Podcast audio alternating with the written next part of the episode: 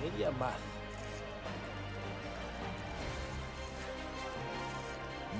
más. Media más. Velkommen skal du være til ny episode av Mediamas. Hey! Med meg i dag har jeg Steffen som eh, medprogramleder. Hei. Hallo, hallo. Står til. Ja, det vil jeg si. Har det fint deg nå for tiden. Det er bra. Vi er jo Oslo, sant, så jeg bor på hotell og chiller og Flotter deg. Ja. Men vi er ikke alene i dag, er vi det? Nei, vi er ikke det. Um, dagens gjest han eh, lever enhver fotballfans sin største drøm, mener jeg da.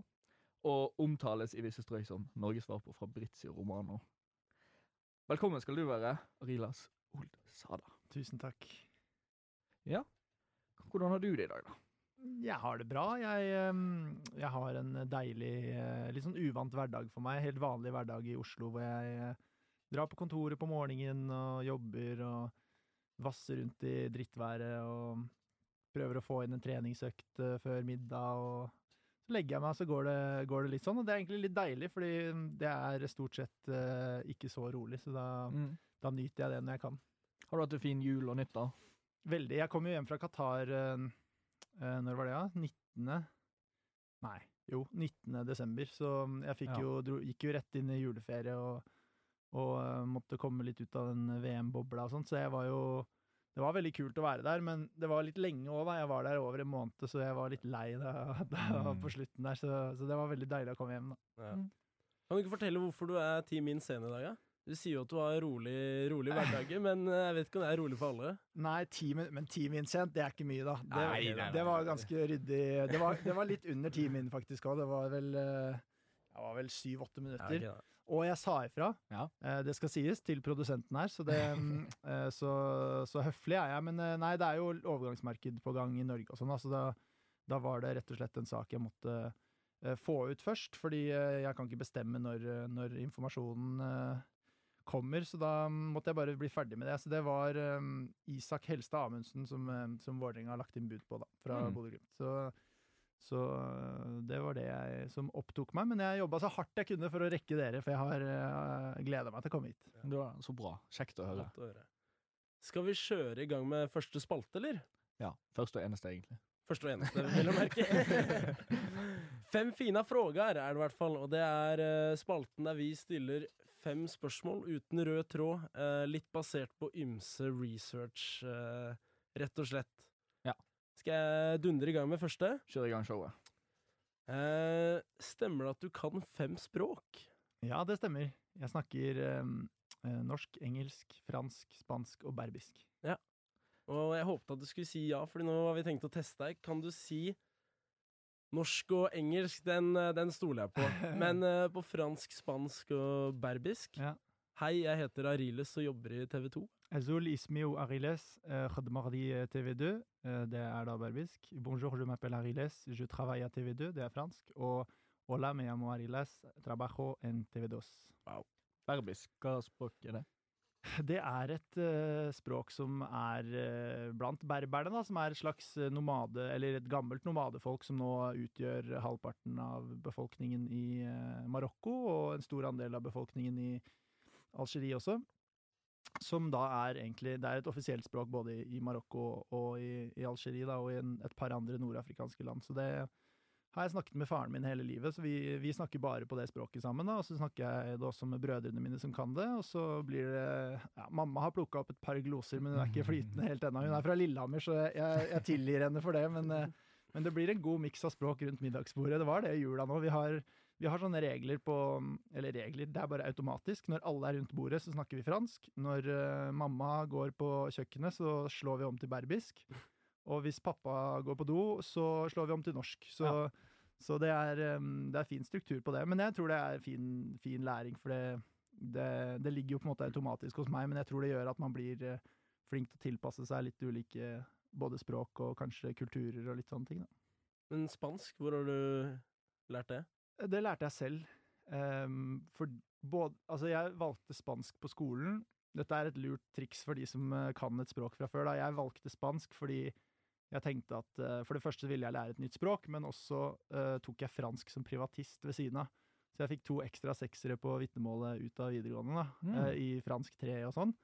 Uh, og så var det ganske lett å lære seg spansk når jeg kunne fransk fra før, og så har jeg egentlig bare fortsatt å lære meg det etterpå i jobbsammenheng og sånne ting, og jobbet en del i Spania i forbindelse med, med både Ødegård og, og et par andre sånne, sånne ting. Så, og så var jeg Real Madrid-fan da jeg var liten, så jeg leste spanske aviser og sånn. da.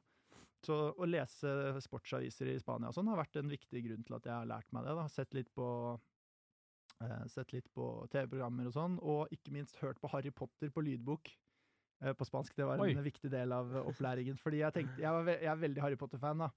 Så jeg tenkte at eh, det kan jeg på en måte fra før. Eh, så hvis jeg hører på det på spansk, så kommer jeg til å skjønne mange av tingene. Og så kan jeg på en måte forstå hva, hva de ordene jeg ikke skjønner, betyr. og sånn da. Så det, det er noen språktips til den eh, som skulle trenge det. Men det er ikke tilfeldig at du kan så mange språk, eller er det liksom bevisst for å bruke det i journalisthverdagen? Um, nei, på en måte så er det jo tilfeldig, da, men, eh, men det er jo først og fremst, først og fremst er det mamma og pappa sin eh, fortjeneste, fordi de veldig tidlig begynte med ganske strenge regler for når vi skulle snakke hva, og hvordan vi skulle eh, vedlikeholde de ulike språkene. Så vi flytta jo Jeg er jo født i Genéve eh, og bodde i Frankrike, og så flyttet vi til Norge da jeg var fire år. Så da jeg begynte på barneskolen Først så ville de få meg til å begynne på den franske skolen i Oslo, men jeg nekta det, da, for jeg likte ikke eh, var på et tidspunkt jeg ikke var så fan av Frankrike, og sånn, så jeg nekta det. Så begynte jeg på norsk skole, men da hadde vi fransklekser etter skolen hver dag. da. Så vi eh, kom hjem fra skolen, fransklekser, fotballtrening osv. Så videre. så, og så snakket vi jo hele tiden berbisk. Så de var veldig flinke. De, og så var de ikke noe redde for at vi skulle bli språkforvirra. Jeg vet at det er mange multikulturelle familier som er redde for at barnet skal begynne å blande og ikke bli så bra i norsk og sånn, men det har gått helt fint. Eh, Så sånn sett så er det jo til, eller det er jo veldig bevisst strategi fra dem, da, så jeg, jeg vil jo ikke kalle det tilfeldig. Men ehm, Og så er jeg interessert i språk selv, og, og fortsetter å prøve å lære meg Nå tror jeg jeg skal prøve å satse på italiensk som det neste, for jeg tenker at det er ganske lett å lære seg når man kan fransk og spansk. Så, så det er veldig bevisst, fordi jeg syns det er Jeg får veldig veldig mye nytte av det i jobben nå, da, så det har vært en ekstra motivasjon til å fortsette med, med det. da. Yes, da kjører vi på med neste. Det er litt sånn dilemma, da. Ville du helst vært fotballproff eller reporter? Bakgrunnen for det var egentlig at jeg Eller at jeg følte sjæl at mange som ender opp med å bli fotballreportere eller journalister, skulle helst ønske de var proffe sjæl, liksom. Men at det ikke lyktes, lyktes, og så endte jeg opp. Det er i hvert fall den uh, ruta jeg går, da. Ja. Jeg var ikke god nok når jeg ser tilbake på det, eh, til at det er noe sånn at jeg angrer på noe, eller at jeg er bitter for at det ikke skjedde, eller jeg, jeg, kan, jeg har ikke noe skade å skylde på, eller sånne ting. Jeg var bare en helt sånn helt grei uh, spiller, uh, juniorspiller, men det var jo drømmen på et tidspunkt, men samtidig så Jeg vet ikke. Altså, jeg har aldri vært i nærheten av å være villig til å ofre så mye som skal til for å bli fotballspiller. Du må Stort sett så må du legge fra deg alt som heter sosialt liv, eller eh, eh, liksom alkohol, eller eh, altså alt, alt det andre som livet har å by på, da. Og, og jeg har veldig stor respekt for den eh, mm, det, det de som har klart å, å komme gjennom det nåløyet, har ofret på veien, da. Så jeg, jeg vet ikke, jeg er ikke sikker på jeg, vet ikke, jeg er ikke sikker på om det er et liv jeg ville levd. Jeg tror, eller fotballproff kan jo være så mangt, da. For, og dette har jeg diskutert med venner før òg. Mm. Du må på en måte, Hvis dilemmaet skal være virkelig bra, så må du definere hva fotballproff er. Ja. Fordi selvfølgelig ville jeg byttet det bort mot å være, mot å være i posisjonen til Erling Braut Haaland. Mm. Eh, Å være verdens beste fotballspiller og tjene så mye penger og være, altså, å, å være så god. Men hadde du spurt meg om jeg ville byttet det bort mot en eh, middels minus karriere i Eliteserien over sju-åtte sesonger hvor jeg spilte for eh, Kristiansund, liksom. Kristiansund og, og på en måte, Så er jeg veldig Da, da ville jeg ikke gjort det, da. Så du må Mm. på en måte finne, finne grensa. Men i utgangspunktet så tror jeg, med mindre man snakker sånn supersuksessfull eh, i utlandet og, og sånn, så, så tror jeg at jeg er veldig fornøyd med det livet jeg har, fordi jeg nettopp kan spille på litt ulike eh, Ja, jeg, jeg har, man har litt mer frihet, da, og livet har litt mer å by på, tror jeg. Mm. Moving on. Uh, hvilken matrett vil du sammenlignet deg med, og hvorfor? Å, Å, herregud. Ehm, og hvorfor? Det er jo ikke så lett, da. Uh, men jeg er veldig glad i pasta, så jeg, jeg ville nok gått for en pastarett, da. Ehm, med noe Nå snakker jeg bare om hva jeg syns er godt. Lang og tynn? Lang og tynn? Nei, nei jeg, er ikke, jeg er ikke så tynn, er ikke. Og heller ikke så lang. Men eh, kanskje en eh, Nei, en god, jeg er jo veldig Jeg er en god blanding, da. Kanskje en, eh, en god tacolefse med litt eh, diverse ingredienser i. Mm. Eh, for jeg har jo Ja, litt eh, Det er godt og blandet. Godt sammensatt, holdt jeg på å si. Ja. Ja, det, alt, det, det er det delte meninger om. Em, hva ville du gjort hvis du ikke var journalist? Eh, da ville jeg uh, det, er, det er litt Jeg har liksom aldri Eller hvis jeg, jeg ville vært Hvis jeg ikke var sportsjournalist, så ville jeg vært en annen type journalist. Fordi jeg er først og fremst veldig glad Det er ikke lov til å svare, nei. Men jeg er veldig glad i å være journali eh, journalistyrket, da. Og det er jo Det tror jeg er viktig å ha med seg sånn. For, for min del så er det ikke sportsdelen av det som er viktigst, Nei. men journalistdelen av det som er viktigst. Så, så jeg kunne jobbet som hva som helst innenfor mediebransjen. eh, Fordi at jeg syns spesielt journalistyrket er veldig interessant. Men hvis ikke, så tror jeg det, det som er mest sannsynlig at hadde skjedd, er at jeg hadde begynt på Handelshøyskolen i Bergen.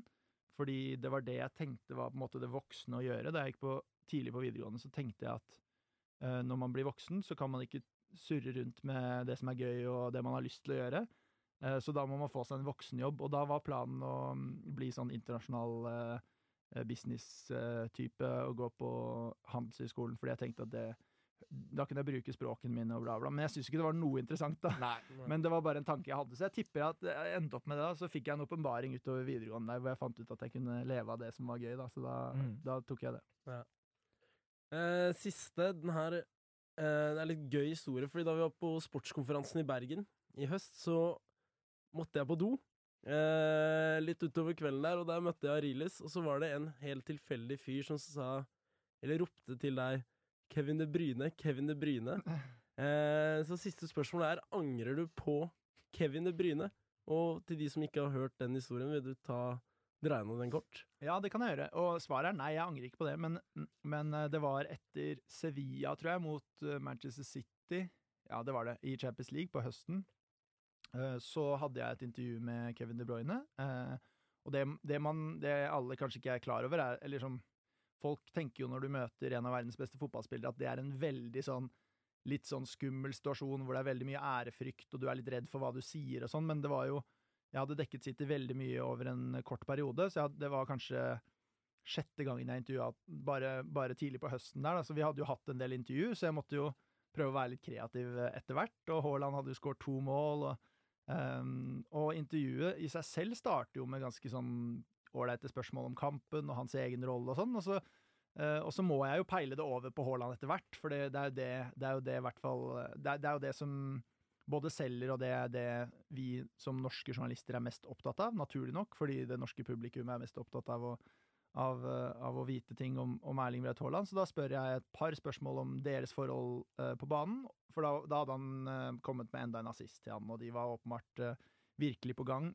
Og så spurte jeg han om hvordan Haaland har vært i starten, og bla, bla, og så avslutta jeg med Um, og, si, og det ble jo Problemet med det er at det blir så klønete formulert. Jeg husker ikke helt hva jeg sa, men jeg sa noe sånt som eh, om det var Nei, at folk i Norge har begynt å kalle deg for Kevin De Bryne. uh, og så måtte jeg forklare at det er fordi at eh, Bryne er der hvor Haaland er fra, og bla, bla. Og, og uh, Kevin De Bruyne er Han er ikke så glad i å liksom le opp vitsene til journalister. Han er litt sånn Han, han er litt sånn tørrvittig type som skal være Han er litt, litt høflig, men eh, han kan være en tøff crowd. Og jeg har prøvd meg på noen sånn fiffige spørsmål til han før, og, og han lar seg ikke lure, liksom. Så, så, mm, så, så mottakelsen ble ikke så bra. Og så er jo intervjuet foregår jo ikke live, men Um, de sitter jo og følger med på intervjuene hjemme i Bergen, og sendingen pågår, og de har veldig lite tid, så de, det er ikke sånn at de kvalitetssikrer alt som kommer igjennom. Da. Så jeg hadde jo et håp om at, sånn, om at de kanskje klippa før den siste der, eller et eller annet sånt. da. Som egentlig bare Det var jo ikke et spørsmål, det var bare en avslutning på intervjuet. Eh, og så bare koker telefonen min et par minutter etterpå, hvor jeg står der med Jeg tror det var han eh, Thomas Delaney eller jeg, I et annet intervju. Så jeg jobber jo videre.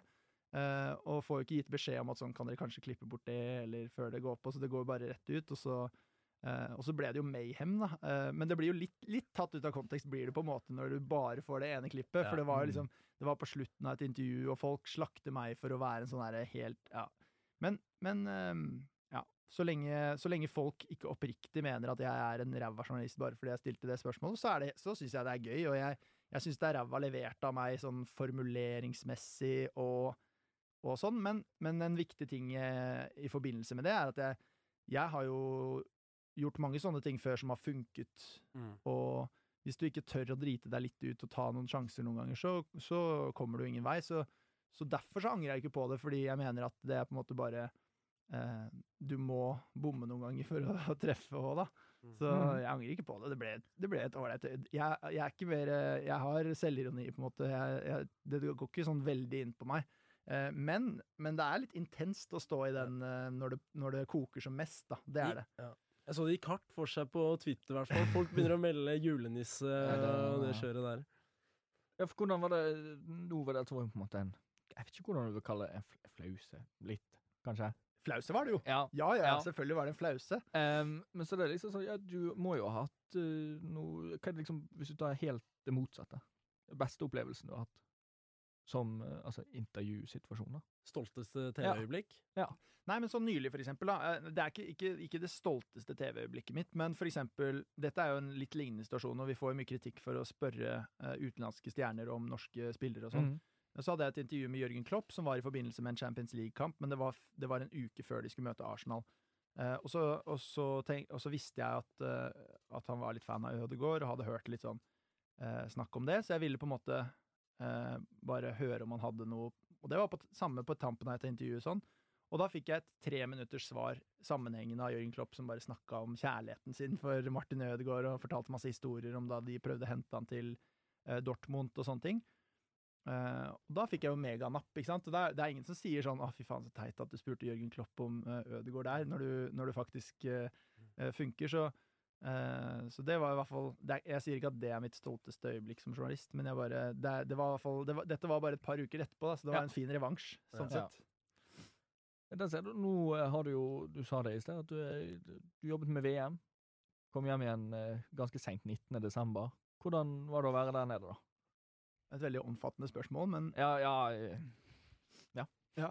Ja, det, det, det, var, um, det var veldig interessant. Um, det var jo en uh, stor debatt i forkant av mesterskapet, og egentlig på under mesterskapet, om, om man burde reise ned, om man burde dekke det osv. For meg som journalist så er det uh, Og det er mange som har sagt at de tok mange runder med seg selv før de reiste ned, eller bestemte seg for å jobbe med det. Og for jeg tok uh, Altså kanskje Nei, jeg, jeg tok ingen runder med meg selv før jeg bestemte meg for det, for jeg mener at det er helt innlysende at du som journalist skal reise ned det, det, er nesten, det har nesten aldri vært så innlysende å reise på et VM eh, som det var denne gangen. Eh, Mm. nettopp på grunn av bakteppet, nettopp på grunn av viktigheten av å reise dit og rapportere om hvordan det faktisk er der.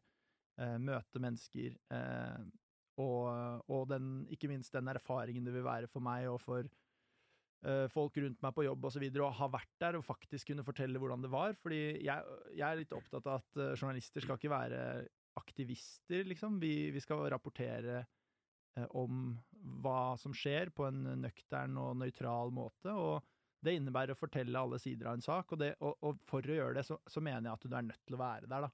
Å være på plass.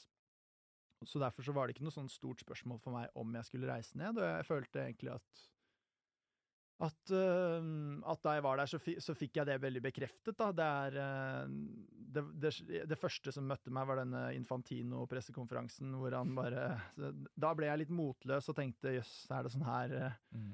er, det, er det ingenting som går inn på dem? Men, men øh, det var utrolig mange erfaringer på godt og vondt. Det var, det var slående å se uh, klasseskillet som, som man ser i det landet der. Det er på en måte det er veldig viktig å huske på at selv om vi eh, bodde ålreit, vi ble møtt ve av veldig gjestfrie mennesker som var Og servicen var veldig god for oss, eh, logistikken var veldig god for oss, så er det jo ikke vi Det har jo aldri vært et spørsmålstegn. Så, det, så, så når jeg ser folk si ja, men det var så fantastisk for oss, og det det er jo aldri det som har vært spørsmål, spørsmålet rundt dette. her. Det det er jo helt andre folk enn en vestlige journalister som er som er utsatt uh, i, i, Qatar, og, og, vi så jo det i forbindelse med, med, med debatten rundt, uh, rundt regnbueflagg og, og, alle disse tingene her, at det er store uh, spørsmål å, å stille rundt, rundt, mye i det landet der.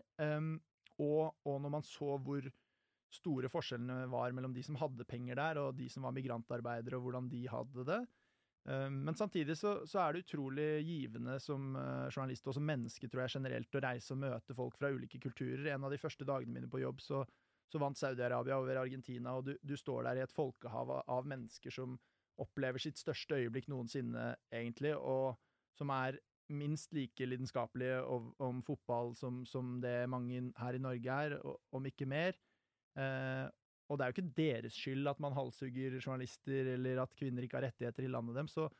Og det å, det å på en måte ta ett steg forbi de fordommene som veldig mange sitter med, og, og, og til en viss grad jeg også altså man, man, man, man har et annet bilde av mennesker når man ikke har møtt dem selv og snakket med dem, da, så, så tror jeg det er en sånn utrolig verdifull um, verdifull eh, erfaring som veldig mange hadde hatt godt av. Og så, og så, er, og så tror jeg at sannheten alltid befinner seg et sted mellom svart og hvitt. da. Ja. Og, og, og hele på en måte diskusjonen rundt boikott eller ikke boikott, eller eh, Qatar osv., er jo veldig preget av at ting blir litt svart-hvitt. da, Og jeg, jeg tror det er viktig å huske på at eh, at uh, hvis man skal komme noen vei, så må man i hvert fall uh, reise og møte mennesker og, og på en måte gjøre seg opp en, en ordentlig mening og høre, lytte til hva folk har å si osv. Og, og det betyr ikke at alt er bra i Qatar, og det betyr ikke at alt er dårlig i Qatar heller. Det er, det er et eller annet sted midt imellom. Men det var en av de mest, sånn, en av de mest lærerike månedene i livet mitt, det var det. Mm. Hva, hvordan var det i forhold til forventningene dine? Hva forventninger hadde du på forhånd? Um, ja, jeg trodde det skulle bli kaos sånn når det kom til logistikken. Det fungerte jo ekstremt bra, da. Uh, alt av metro, fans inn og ut av stadion, uh, trafikk og sånt uh, fungerte veldig bra. Um, jeg trodde vel Altså, det er ganske sånn voldsom jeg, trodde, jeg, jeg visste jo at det var et land hvor, hvor velstanden var veldig sånn slående, og hvor ting var veldig sånn spektakulære, men men det var ganske sprøtt å se skillet mellom de som hadde penger, og de som ikke hadde penger. Og alt er veldig sånn Det er ingen uteliggere i gatene. Alt er veldig sånn uh, polert, men så kjører du bare et lite stykke utenfor uh, Doha, så, så ser du på en måte en helt annen standard og uh, et ekstremt klasseskille. Så, så det var jo eh, det var ganske slående. Um, jeg vet ikke Jeg prøvde egentlig å reise ned med minst forventninger mulig. Jeg prøvde å være litt som et måte, blankt uh, lerret og, og suge til meg de erfaringene som var der, og, og prøve å formidle det på en måte som Med et litt friskt blikk, da. Var, så, så jeg vet ikke helt Egentlig så vet jeg ikke helt hvilke forventninger jeg hadde, men, eh, men, eh, men det var et spesielt mesterskap på veldig mange måter. Var din oppgave liksom å dekke det sportslige, eller også det som skjedde utenfor?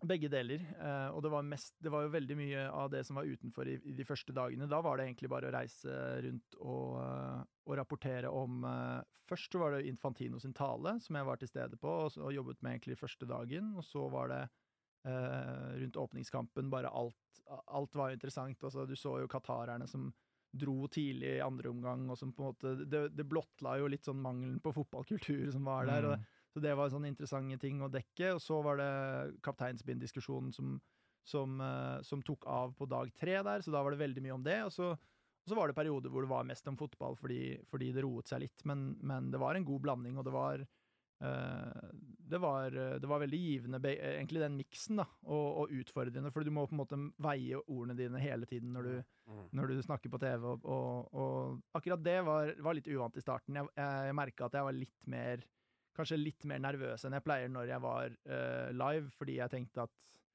her skal du være litt forsiktig med hva du sier, Ja. og, og skal vekte ordene dine. Men jeg er litt opptatt av at man ikke skal ha sånn berøringsangst og være redd for å uh, redd for å snakke om både det som er bra der, og det som ikke er bra der, og, og alt sammen. Så men det var en god blanding. Men det ble, ja Det, det, det var jo mye krysningspunkter òg, da. Det var jo mange spørsmål. Vi, det var jo ofte å være i, i pressesonen og stille spørsmål til spillerne om ting som ikke handlet om fotball, så det var jo en god, en god miks. Men, eh, men ja. Men sånn, sett i ettertid så er det jo på en måte sportslig sett i hvert fall tidenes VM, og Messi vinner, og alt er liksom Jeg tror det var tidenes seertall i den finalesendingen òg. Ikke, er- Norge, ikke Norge, vel, men Nei, kanskje ikke Norge. Nei, men sånn globalt, ja. Ja.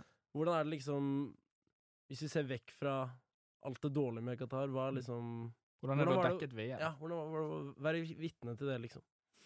Det var eh, veldig, veldig spesielt. Og, og du nevnte jo Messi, og han var jo på en måte den store storyen eh, gjennom mesterskapet. Og det som var interessant som journalist for, med, med, Messi, var at uh, tidligere så har jo han alltid vært veldig, veldig skeptisk til å snakke mye foran pressen og, og vært veldig utilgjengelig, men under mesterskapet så mm, Jeg fikk litt, egentlig litt sjokk, fordi første Argentina-kampen jeg dekka, så sto jeg der med mikrofonen min og tenkte Og jeg hadde liksom Fotografene var litt utålmodige fordi det dro seg mot langt ut på natt, og det var sånn Ja, nå, men Messi har ikke kommet ennå. Så bare ja.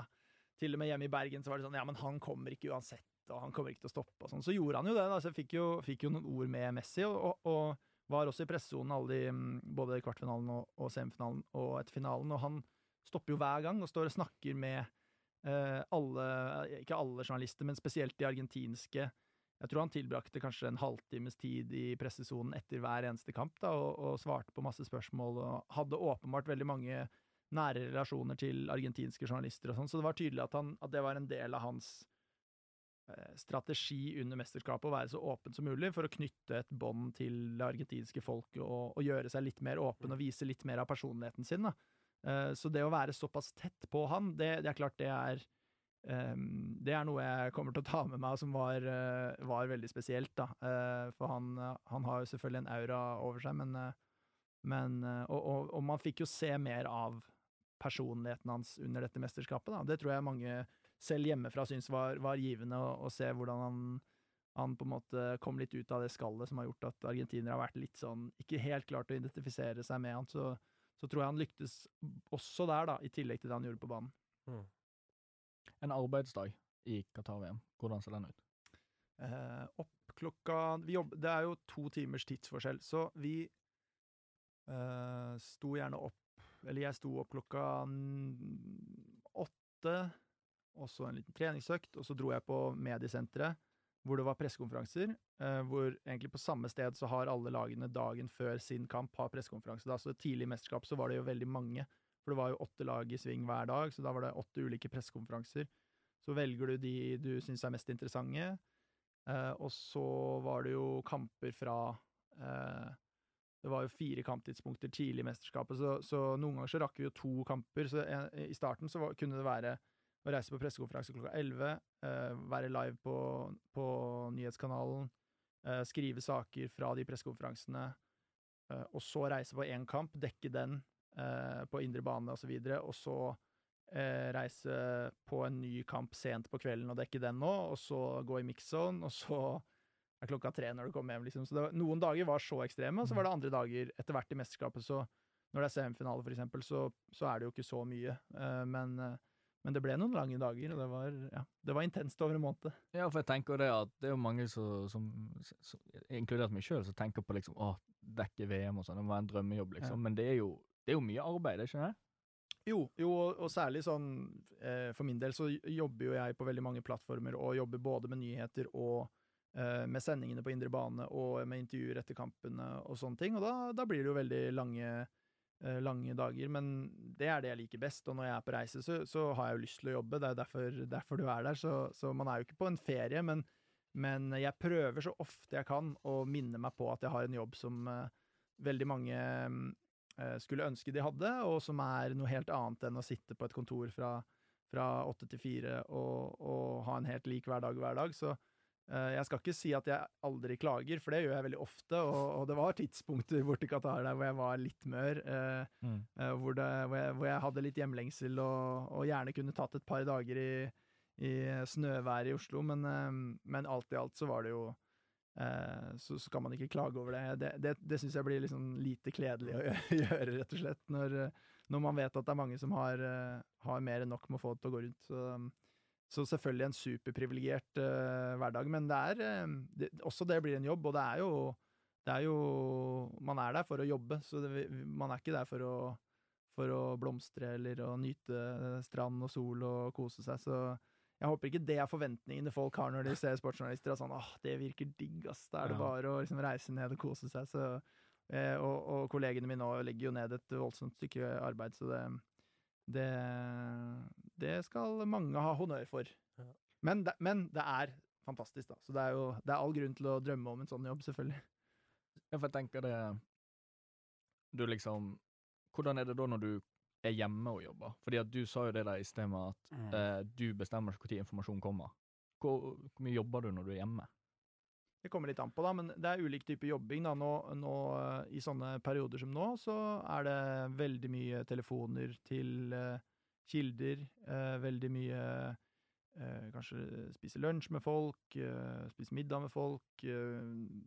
bearbeide nettverket og, og snakke med mange folk. Og da er det litt sånn Når du kommer der Eller jeg begynte på jobb mandag, så hadde jeg egentlig tatt en ganske sånn pause fra alt sånn jeg, jeg var så lei av fotball etter VM at sånn Bortsett fra andre nyttårsdag Nei, andre juledag hvor vi har eh, på Boxing Day, så har vi en tradisjon med gutta at vi ser på det og sånn, men bortsett fra det så, så så jeg ikke noe fotball, fulgte ikke med på noe som helst og snakka ikke med noen fordi fordi jeg, jeg fikk litt overdose i, i Qatar, så jeg måtte bare ha en liten sånn eh, detox. Men, men da, er det, da er det å bare varme opp uh, kildenettverket og, og begynne å snakke med folk og skaffe seg litt oversikt over ting som skjer. Og, det er jo veldig gøy å jobbe med overgangsmarkedet, fordi det er liksom eh, Du vet aldri hva som skjer, og det, og, det, og det er egentlig en av delene jeg liker best med jobben, er å snakke med mennesker og prøve å eh, ja, knytte kontakt med mennesker. eh, eh, få ut informasjon, eh, sjekke opp den informasjonen med andre igjen, osv., og så videre, og bare sitte og gnu på telefonen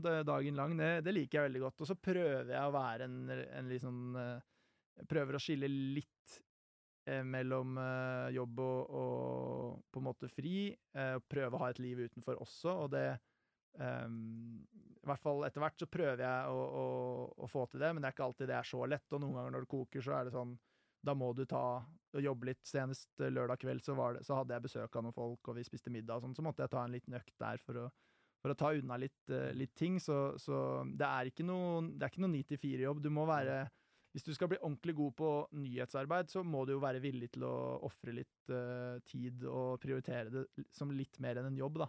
Men jeg er såpass glad i det at uh, for meg så koster det jo veldig lite. Uh, selv om når man når man Altså, når du skal sjonglere samliv og diverse ting, så må du jo Du må etter hvert finne noen rammer på det, og, og kanskje styre litt forventninger, og, og, og på en måte til en viss grad bestemme noen skillelinjer for når du skal jobbe og ikke, men, eh, men akkurat når det koker på overgangsvinduet, så, så må det prioriteres. Du nevner jo dette kildenettverket ditt, og det er for oss som følger deg på Twitter og leser TV2-sporten, ser jo at det er alltid du som er først ute med en overgang, i hvert fall når det kommer til norske spillere. Fortell oss litt hvordan du holder dette nettverket varmt, som du sier. Eh, nei, for eh, det, det, det kan jo virke veldig sånn omfattende å skaffe seg det i utgangspunktet. da. Jeg begynte jo, begynte jo som journalist i 20... Jeg begynte i VG i 2015, og så de første årene jobbet jeg vel ikke så mye med eh, den type nyhetsarbeid. Og så tror jeg at eh, i 2017 så begynte jeg å jobbe på fulltid i VG som sånt vikariat, som egentlig handlet om å eh, vet ikke om dere husker de der eh, sport- og spillartiklene i VG. Det er sånn eh, samarbeid med Norsk Tipping hvor man skriver en eh, artikkel om et eller annet, og så kobles det opp mot noe oddstips og sånne ting. Og det var på en måte egentlig den første fulltidsjobben jeg fikk i VG, og, hadde ansvar for det, men den var ikke så eh, tidkrevende, den jobben, så jeg fikk på en måte tid på dagtid hver dag til å eh, jobbe med det jeg ville, så da, da bestemte jeg meg for å bare prøve å gjøre ferdig det jeg måtte gjøre så fort som mulig, og så bruke resten av tiden på eh, hvordan jeg ville forme meg selv som journalist, og det jeg ville bruke tid på å bli ordentlig god på, da, og, og det var jo å bli bra på fotball, og jeg var alltid veldig fascinert over folk som visste eh, visste ting, og som hadde eksklusive nyheter, og det var noe veldig sånn mystisk og kult over det, da.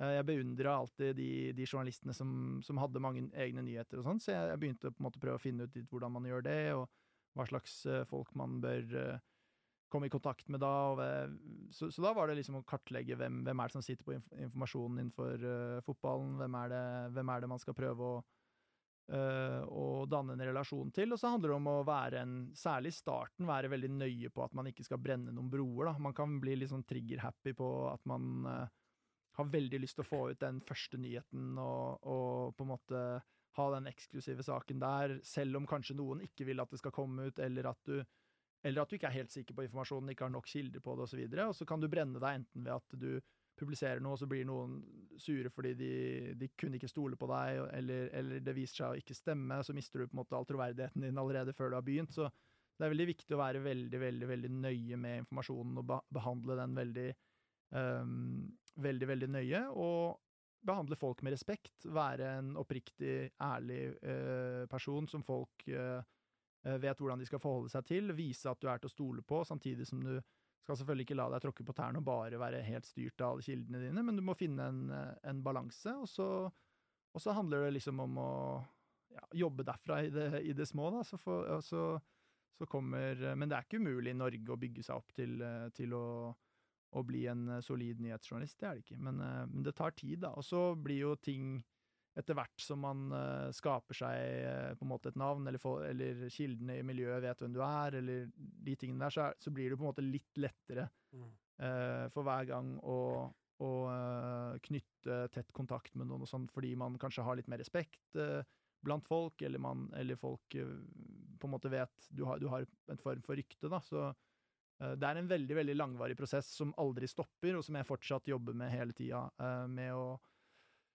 med å bearbeide, men, men, det handler jo til syvende og sist så handler det om liksom mellommenneskelige forhold og det å være sosialt smart og sosialt eh, ordentlig og til å stole på og, og ikke, ikke, brenne noen broer, ikke ta noen snarveier. For det er, det er, egentlig ingen snarveier, da. Det høres jo veldig mystisk ut når man hører om folk som har kilder og nyheter, og det høres veldig sånn eh, kult ut, men det er ikke noen noe sånn store, store hemmeligheter bak det. Men eh, ja, jeg jeg er veldig opptatt av det. altså det er veldig sånn, er jo, Dere er jo studenter, dere, og det er sikkert mange studenter som hører på. Jeg er veldig sånn uh, villig til å fortelle om, uh, om, litt tips og triks og sånn. Og så er det ikke alle tipsene og triksene som gjør seg i sånn helt åpne uh, forum, fordi, fordi, noen ting er Ja, noen ting trenger ikke å være helt sånn åpent der ute, men det er ikke noe sånn det er ikke noe shady virksomhet, og det er ikke noe sånn Det er først og fremst bare bare det å være og også være strukturert. da, Skape seg på en måte en måte å jobbe på som gjør at du klarer å følge opp kilder. du klarer å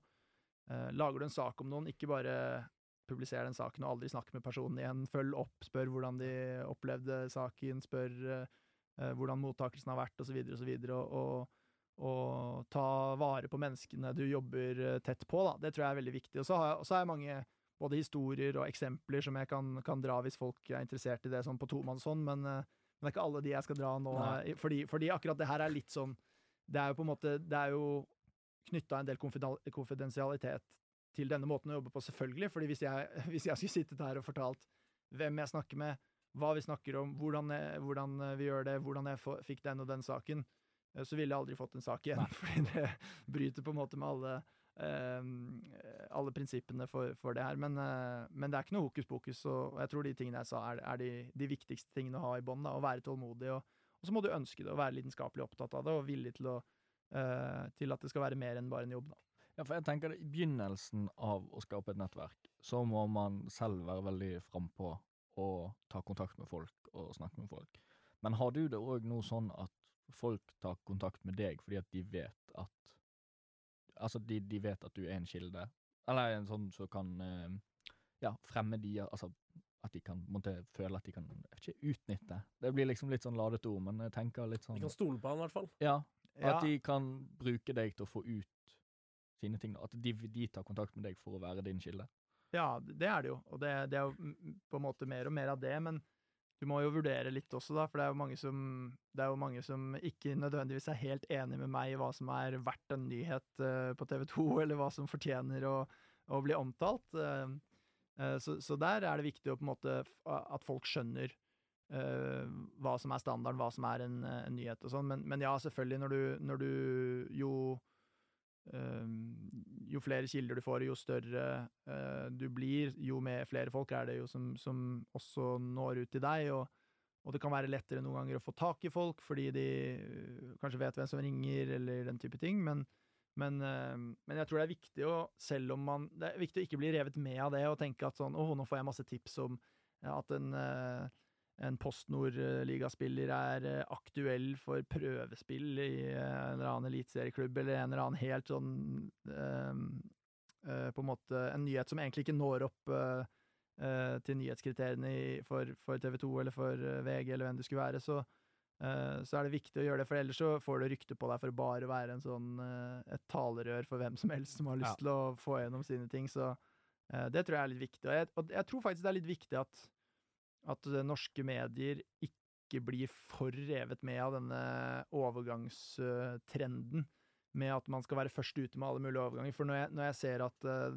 at folk begynner å ha sånn eksklusive nyheter med anonyme kilder om overganger i tredjedivisjon, liksom, så tenker jeg sånn nå må vi roe oss litt ned på et eller annet nivå. Så må du begynne å ha åpne kilder på ting. Når det er, eh, jo mindre det blir, jo, jo, jo større mener jeg behovet for det er. Da. Så det har jo blitt en litt sånn statusgreie, har jeg inntrykk av, som sikkert drevet frem av sånn Fabrizio Romano og en del sånn um, sånn profiler på sosiale medier, at det er veldig kult å ha det, men jeg tror man må huske på at sånn til syvende og sist så skal det være en nyhetsverdi bak det man uh, skriver om og rapporterer om, da, at det ikke og, og jeg, dere nevnte jo eh, Fabrizio Romano i introen, og, eh, og jeg vil jo egentlig ikke bli sammenligna med han, fordi, ikke fordi han, han er en veldig flink fyr og, og en jeg har snakka med, og, og som er veldig hyggelig, men jeg er ikke en overgangsjournalist, liksom. Nei. Det er ikke Jeg er en uh, nyhetsjournalist som jobber med fotball, og, og, eh, og håper på en måte at uh, Eller jeg mener at det viktigste arbeidet jeg gjør, er jo saker som folk ikke nødvendigvis vil at skal komme ut, eller større saker som omhandler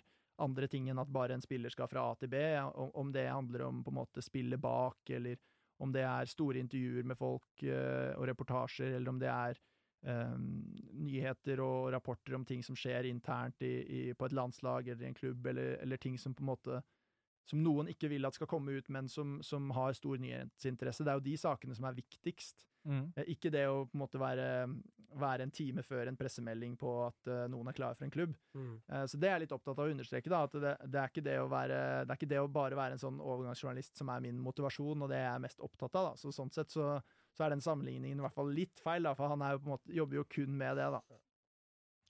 Ja, men han er jo òg en sånn som breaker ting, da. Kjent for å liksom breake ting. Ja. Og også det med troverdighet, da. At når han breaker ting, så Mm. vet man som regel at han har en god kilde på det. Ja, Tenker jeg det I den sammenligningen så syns jeg det passer deg fint i forhold til Ja, ja, og mye av, mye av jobben jeg gjør, er jo det. Det, eh, det mente jeg bare at, eh, med det mente jeg bare at det er ikke bare det. bare det, For, for meg ja. så handler det om å være en veldig god journalist, handler om å også kunne Hvis du bare publiserer nyheter som ingen har noe problem med at kommer ut, så er det jo alltid bare venn med alle, og da er du på en måte Det er en mye lettere jobb enn det å balansere eh, hva som er Hva som man mener mm, på en måte burde komme ut, og hva andre kanskje ikke vil at skal komme ut. Og det å, det å være Det å kunne balansere det å være kritisk, det å være nøytral og ikke på en måte bare spille etter eh, kildenes eh, eh, ønsker, det tror jeg er viktig. Og det, det er det som skiller de som er veldig bra, med de som er eh, eh, som, som også er bra, men som eh, Men det er to ulike jobber, da. For hvis du bare Ja, da eh, da får du aldri det problemet at du får et problem med en kilde, eller at du, du er nødt til å eh, spille, spille på dine premisser, da. Eh, så, så det var bare det. Og, men det er, det er ikke for å det, er ikke for å snakke dårlig om, om eh, det heller, det er bare at jeg mener at eh, eh, journalistikk handler om litt mer enn bare, bare akkurat den type nyheter, da. Og så tenkte jeg å ta opp litt sånn, for du har jo Det er jo ikke lenge siden du gikk til TV 2. Hvor lenge? Tror, ja, Halvt år? Halvannet år. halvannet. Halvannet. Em, hvordan var det å bytte Du har jo jobbet lenge i VG, Ja. egentlig. Jeg jobbet der i Hvor lenge var det? Ja? Seks år, var det. Ja. Uh, så det var der jeg ble Jeg begynte der da jeg var 19 år. Så det var der jeg ble Jeg vokste jo egentlig opp i VG, så det var, det var egentlig Det var jo veldig spesielt å dra eh, derfra, fordi det var Du blir veldig tett knytta til eh, et sted. Du føler jo nesten at det, at det er familien din, og at du eh, det, er, det er veldig skummelt å bytte jobb for første gang, men eh, det har vært veldig lærerikt sånn som menneske òg, fordi du innser at det går an å eh, det går an å klare seg andre steder òg, det går an å trives veldig godt andre steder òg. Jeg er superfornøyd med, med å ha kommet til TV 2 og, og har det veldig veldig gøy på jobb og syns det er veldig givende å lære, lærer veldig mye. Men eh, det var skummelt, men, eh, men sånne valg Og jeg har fått respekt for ja, ikke minst fotballspillere som må ta sånne valg, eller andre som må ta valg i karrieren som man kanskje tenker sånn oi, oi, oi, her har du en skikkelig luksussituasjon, og denne personen er det ikke noe synd på fordi han kan velge mellom de to kuleste jobbene i, i, eh, i fotballjournalistikken eller ditt og datt, eh, så er ikke det nødvendigvis så lett, da. Og det, det tror jeg er fint å ha med seg i bagasjen, også når du snakker med andre folk som, som, som er i situasjoner hvor man tenker at man er veldig privilegert, som, som for eksempel fotballspillere, som får veldig mye tyn for å være bortskjemte eller tjene masse penger og være sånn og sånn. Eh, alle har eh, sitt å stri med, på en måte, og, og det er veldig mange sånne valg som kan være veldig tøffe, og det var tøft for, for meg, og, og det, det er noe jeg lærte veldig mye av, og som jeg tar med meg videre. Var det TV 2 som kom med et tilbud til deg, eller var det motsatt? At du Eh, tok var, kontakt med dem? jeg, var, jeg var jo ikke aktivt ute og søkte etter jobber, så, så det var jo eh, Såpass er det vel Jeg vet ikke hvor mye man kan si om sånne ting, jeg, men, eh, men eh, ja, det Vi eh, ah, Nå føler jeg meg som en sånn der fotballspiller som må være smykke. Men, men vi Ja, det Men det var Jeg skulle jo dit et år før jeg faktisk dro dit, og da dro jeg jo ikke dit likevel. Hvorfor det? Da var det frem og tilbake. Nei, det, det var litt sånn personlige årsaker til det, og litt, uh, litt fordi det ble tøft å håndtere den prosessen og, sånn, og så, og så løste det seg veldig fint, og så ble det til at jeg dro året etter isteden. Så, men, uh, men hele den prosessen var veldig lærerik, da. Det var um, det var en sånn voksenopplæring for meg også, å se at det, fantes mer enn bare VG der ute, og at man måtte liksom ja, modnes litt. Så um, det var eh, Men det var Ja, det er noe jeg tar med meg både for meg selv og også i møte med andre mennesker. da, Ha respekt for at folk eh, At eh, sånne ting kan være ganske tøffe for, for mange. da. Største forskjell du har opplevd, da? Mellom VG og TV 2? Ja. Personlig så tror jeg kanskje en, en av de mest interessante forskjellene er at da jeg jobba i VG, så var jeg på en måte mm, du, du blir på, på en måte så er du litt en underdog. Eh, ikke, eh, altså VG er ikke noe underdog, for de er jo størst som nyhetsmedium og sånn, men, men som personlig så opplevde jeg kanskje at flere eh, heide på deg, eh, og sånn, og så kommer du til TV 2, og så får, med en gang du kommer på TV på TV 2, eller med en gang du på en måte blir eksponert for litt større eh, et litt større publikum, så vil du brått få veldig mange flere som har lyst til å liksom dra deg ned, da. Eh, Så det er kanskje den største forskjellen jeg merker personlig, er at du blir litt sånn eh, Plutselig så er det masse folk som ikke kjenner deg i det hele tatt, som har masse sterke meninger om hvor, Ja, ja. hvem, hvem du er, hvordan du jobber, og hvordan uh, hva du sier, og hvilke spørsmål du stiller, og alt mulig sånn. Det var jo litt av det i VG òg, men, men jeg merker en forskjell etter at jeg kom til TV 2, eh, at folk tar seg liksom friheter til å snakke om eh, folk som er på TV for TV 2, som, som om de er, var allemannseie. Ja. Og det er litt sånn interessant å se, da, og litt sånn ny erfaring for meg å, å venne meg til, fordi det er litt sånn, det er litt rart. Er det sånn som preller av, eller går det inn på deg, liksom? Eh, ja, jeg skal ikke si at det ikke går inn på meg i det hele tatt, for det er jo Jeg tror man må bli Jeg tror alle til en viss grad må venne seg til en sånn uh, greie. Og, og nå er det ikke Jeg er ikke noen A-kjendis, jeg, for å si det mildt, men, men eh, så, så det er jo mange andre som har vært borti det i mye større grad enn det jeg har, men, men jeg merker jo at det i starten så er det litt uvant at folk har såpass måte eh, sterke meninger om deg uten å kjenne deg, eller kommer med liksom karakteristikker om deg som er litt sånn OK, men du har jo aldri snakka med dette mennesket, eller eh, sånne ting. Så øh, det, det preller ikke helt av, men jeg prøver å bli flinkere til å, til å egentlig jeg prøver å bli flinkere til å ikke la meg påvirke verken av det positive eller det negative for mye. fordi hvis du, eh, hvis du blir veldig glad hvis du får masse ros for en kul sak du har lagd, eller noe du har gjort på TV, eh, så blir du egentlig tilsvarende Mm. eh, i dårlig humør eller lei deg hvis eh, folk slakter det. Da. Så, og, og sannheten er jo ofte litt sånn midt imellom. Det er ofte um, det er ofte ikke så bra som folk skal ha det til når, det, når de hyller deg, og så er det ofte ikke så dårlig som de skal ha det til når de slakter deg. Men eh, det der er en sånn eh, Jeg, syns det er litt interessant, det, og jeg føler at ofte så hører du at folk er sånn Nei, jeg, bryr, jeg leser ingenting. eh, Jeg bryr meg ikke om hva folk mener om meg. og Det er jo egentlig bare tull, for jeg tror de aller fleste bryr seg ganske mye om hva folk mener om deg. og Derfor så syns jeg det er litt sånn Det er verdt å på en måte dele litt av de erfaringene og være litt ærlig om hvordan det er. da, Og så, og så syns ikke jeg det er super Jeg synes ikke det har vært noe supertungt, og jeg har ikke stått i noen sånne stormer. Det meste har jo handlet om litt sånn eh, på en måte ubetydelige eh, Om man stiller det og det spørsmålet, eller om man sier det og det, eller sånne ting. Men, men, eh, men det har vært en spesiell Eller en interessant utfordring da, med det å, å komme til TV 2, og, og jeg merker at folk kanskje ser litt annerledes på deg når du når du kommer, kommer dit. Så, så, men, men det går fint. Det er, ikke noe, det er ikke noe stort problem, men det er i hvert fall en ting jeg har lagt merke til. Da. Ja, det jeg kan se for meg, det at det har vært liksom ja, Hvis du Å plutselig være på skjermen, da, så Mm. er det jo sånn at folk Folk vil jo se mer av deg enn når du står som et navn i en journalistsak på en nettside, liksom. Ja, det er sant. Den er jo ikke alltid folk Det er ikke alltid folk sjekker hvem som har skrevet saken engang. Nei.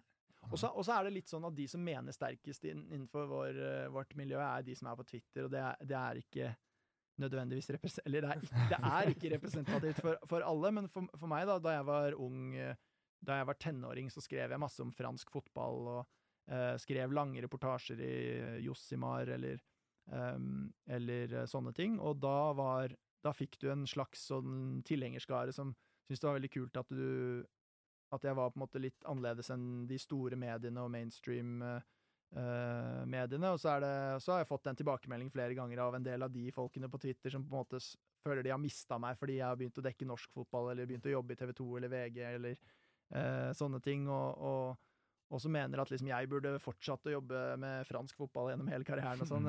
Jeg vet ikke helt hvordan den karrieren hadde sett ut i, Nei, i Norge, men, Det det, men, eh, men, eh, men det er jo ofte den typen folk som kommer med sånne tilbakemeldinger, så det, det er jo et råd eh, også, er jo å ikke legge for mye vekt for, på det du, du leser på Twitter eller på sosiale medier, for det blir ofte Det, ja, det er veldig sjelden representativt for hva, hva de fleste uh, mener, da. Men uh, først og fremst har det vært veldig veldig positivt å komme til TV 2, også med tilbakemeldinger. Eh, jeg skrev jo en sak om, om bakgrunnen min som berbisk osv. nylig, som jeg fikk fantastisk mange tilbakemeldinger på. Eh, og det er veldig rørende og veldig fint da, å se at eh, folk er veldig rause og fine. Stort sett, og så har du noen som er, liker å henge seg opp i det negative, men, men eh, 90 av alt har vært bare veldig, veldig bra.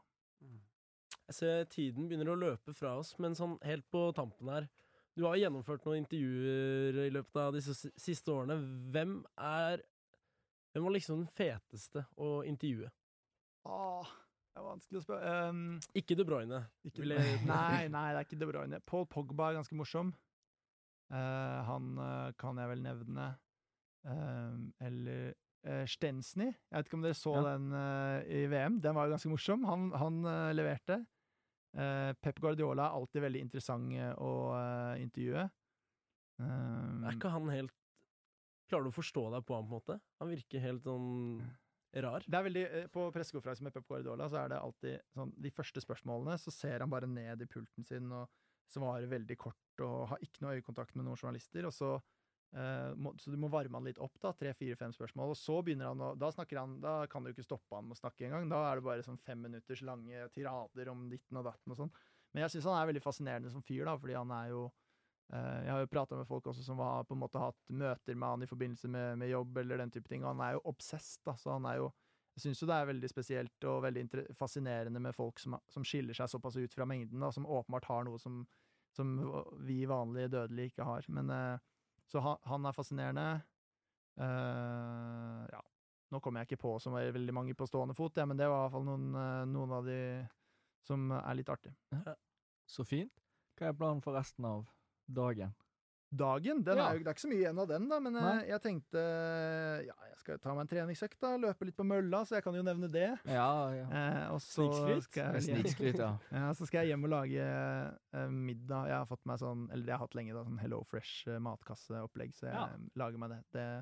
Det, det er bra for mengdetrening når du skal prøve å bli litt god til å lage mat, for det, det prøver jeg også på. Jeg har fått noen gode kniver og stekepanner til jul, så, så der får jeg, får jeg litt å bryne meg på. Da ønsker vi lykke til med det, og så sier vi tusen takk for at du ville være med i dag. Takk, det var en fornøyelse. Tusen takk for at du hørte på. Husk å følge oss på Instagram og TikTok, der vi heter mediemas.pod. Dagens programledere var Steffen Johan Jonstad og Christian Berg Tveter.